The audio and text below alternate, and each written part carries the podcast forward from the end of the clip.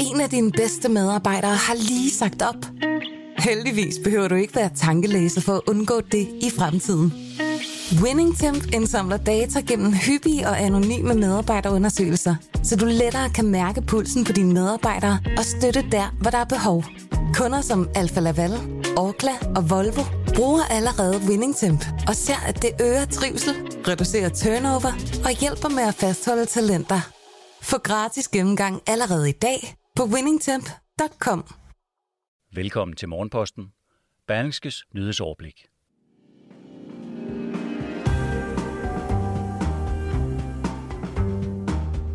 En virtuel milliardøkonomi er vokset frem på få år i internettets mørke afkroge. Eksperter advarer om, at børn og unge bliver trukket ind på dette uregulerede marked, og i værste konsekvens begynder at gamble i pengespil alt for tidligt i livet. Nogle af landets mest anvendte psykologer i sager om tvangsfjernelser af børn har fået alvorlig kritik i psykolognævnet.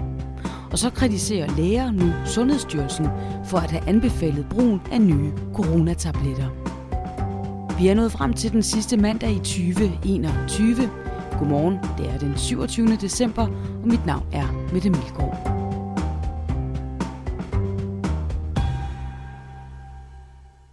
Vi lægger ud med en historie fra Berlingske om virtuelle varer og en virtuel milliardøkonomi.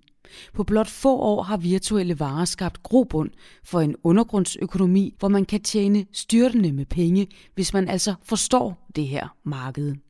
Et marked med virtuelle samleobjekter fra et computerspil, der stiger og falder i pris som en aktiekurs. Men bagsiden af medaljen er ifølge en række eksperter og aktører, at dette uregulerede milliardmarked har åbnet døren for svindel, skatteproblemer, suspekte bagmænd og casinospil rettet mod mindreårige. Berlingske har talt med tre forskellige mænd, der har gjort sig inden for dette marked med køb og salg af såkaldte skins, der findes i det populære skydespil Counter-Strike. Her fungerer det som udsmykning til ens virtuelle karakter, der ikke øger chancen for at vinde, men udelukkende handler om kosmetiske ændringer. Skins kan på den ene side være en smart investering, ligesom en aktie, men markedet er fuldstændig ureguleret. Det er der ingen tvivl om. Og der er heller ingen tvivl om, at når vi taler om uregulerede markeder, så er der selvfølgelig en stor åben mulighed for hvidvask af penge. Systemet opfylder alle kriterierne, siger Tom Kirschmeier, økonomiprofessor og forsker i hvidvask på CBS. Vi skal videre til Jyllandsposten, der skriver, at nogle af landets mest anvendte psykologer i sager om tvangsfjernelser af børn har fået alvorlig kritik i psykolognævnet. Psykologerne har blandt andet fået kritik for at give forældre diagnoser uden belæg, for regulær tjusk og for at blande testresultater sammen. Psykologens arbejde ender ofte med at blive afgørende i sagen, så der kan være tvangsanbringelser, der kunne være ind på en anden måde. Det her må ikke ske, siger Begitte Arndt Eiriksson, vicedirektør i den juridiske tænketank Justitia, og det siger hun til Jyllandsposten. En af de psykologer, der har fået kritik, er Sten Schøller. På fire år har han otte gange fået alvorlig kritik af psykolognævnet i sager, hvor han er hyret af en kommune til at undersøge forældres evne til at passe på deres barn. Flere klager over hans arbejde blev allerede indgivet til psykolognævnet i 2018, men grundet nævnets sagsbehandlingstider på op til flere år, har han kunne fortsætte sit arbejde sideløbende med behandlingen af klagerne.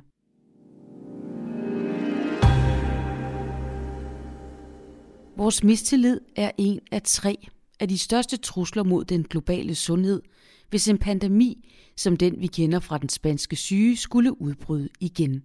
Det forudså to forskere i tidsskriftet American Journal of Public Health i 2018. Her tre år senere står det klart, at de to forskeres advarsel var mere akut, end de selv kunne ane. Noget så uhåndgribeligt og flygtigt som tillid har været afgørende for, hvilke lande der er kommet noget gennem coronapandemiens første snart to år. Danmark kunne have haft yderligere 5.000 dødsfald og et fald i bruttonationalproduktet på 82 milliarder kroner, hvis tillidsniveauet i den danske befolkning lå på samme lave niveau som eksempelvis italienernes. Det konkluderede seniorforsker Carsten Albæk ved det Nationale Forsknings- og Analysecenter for Velfærd tidligere på året i Nationaløkonomisk Tidsskrift. Vi kan se, at der er en statistisk sammenhæng mellem omfanget af tillid til hinanden i de forskellige lande og antallet af dødsfald per 1 million indbyggere. Den sammenhæng er håndfast, og den er stor, forklarer Carsten Albæk. Men noget tyder på, at tilliden ved indgangen til 2022 og midt i en uoverskuelig omikronbølge begynder at krakelere. Du kan læse mere i dagens Berlingske. Ifølge Sundhedsstyrelsens plan for de forløbigt indkøbte 50.000 tabletter fra medicinalvirksomheden Mærk, skal personer i risikogruppen for alvorlig sygdom ved coronasmitte kunne få disse tabletter, der behandler sygdommen og gør risikoen for et alvorligt forløb mindre. Det skriver DR. Og bliver personerne i risikogruppen testet positiv, kan de kontakte deres praktiserende læge, som så kan udlevere disse tabletter. Men det vil flere af de praktiserende læger ikke være med til. Dansk Selskab for Almen Medicin, DSAM, der er de praktiserende lægers faglige fællesskab, kritiserer nu Sundhedsstyrelsen for at have anbefalet brugen af tabletterne. Vi synes, at dokumentationsgrundlaget er virkelig, virkelig spinkelt. Vi er bange for, at vi bruger et middel, der i bedste fald er uvirksomt, og i værste fald udsætter folks behandling for sygdommen, siger Anders Beik, der er DSAM's talsmand på coronaområdet.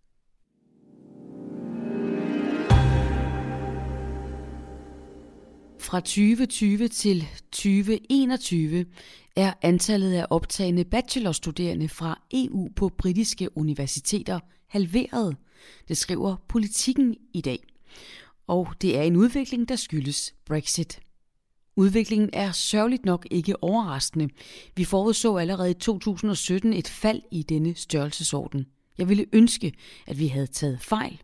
Det siger Nick Hillman, direktør for den uafhængige tænketank HEPI, som beskæftiger sig med videregående uddannelse i Storbritannien, og det siger han til politikken. Med Brexit ændrede vilkårene sig drastisk for EU-studerende i Storbritannien, og det har blandt andet påvirket priserne. Før Brexit betalte EU-studerende den samme maksimalpris som britiske studerende, men nu kan EU-borgere ligesom studerende fra resten af verden snilt komme til at betale det dobbelte. Morgenposten slutter af med en kommentar og tanker for det nye år.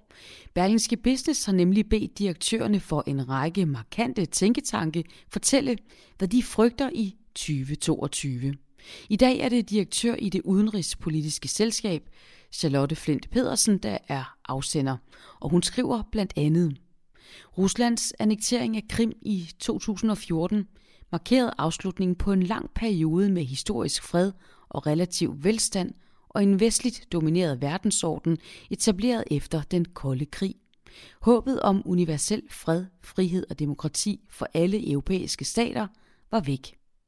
Charlotte Flint Pedersen skriver videre, at Kina efterfølgende har bygget kunstige øer i det sydkinesiske hav, afskaffet Hongkongs autonomi og et land, to systemer, og dermed forbrudt sig mod overdragelsesaftalen med Storbritannien, der forpligtede Folkerepublikken Kina til at opretholde Hongkongs særlige system frem til 2047. Parallelt er demokrati som samfundsform i tilbagegang på verdensplan. I stedet opstår hybride regimer eller rent autoritære stater, hvor civilsamfund, politisk aktivisme og uafhængige medier undertrykkes brutalt. Og det er en bekymrende udvikling, understreger Charlotte Flint Pedersen. Lidt om dagen i dag. Fra i dag er det tilladt at affyre fyrværkeri i Danmark, og det er tilladt til og med 1. januar. Et helt andet sted, nærmere bestemt i New York, skal alle over 12 år fra i dag være vaccineret mindst to gange mod coronavirus for at få adgang til restauranter, fitnesscentre og kulturarrangementer som koncerter og forestillinger, og det gælder både kunder og ansatte. Børn i alderen 5-12 år skal have modtaget minimum et stik mod coronavirus.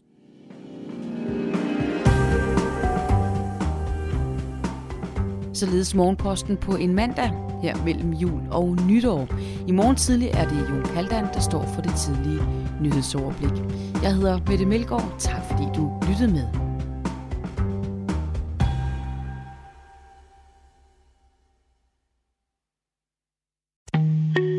En af dine bedste medarbejdere har lige sagt op. Heldigvis behøver du ikke være tankelæser for at undgå det i fremtiden. WinningTemp indsamler data gennem hyppige og anonyme medarbejderundersøgelser, så du lettere kan mærke pulsen på dine medarbejdere og støtte der, hvor der er behov. Kunder som Alfa Laval, Orkla og Volvo bruger allerede WinningTemp og ser, at det øger trivsel, reducerer turnover og hjælper med at fastholde talenter.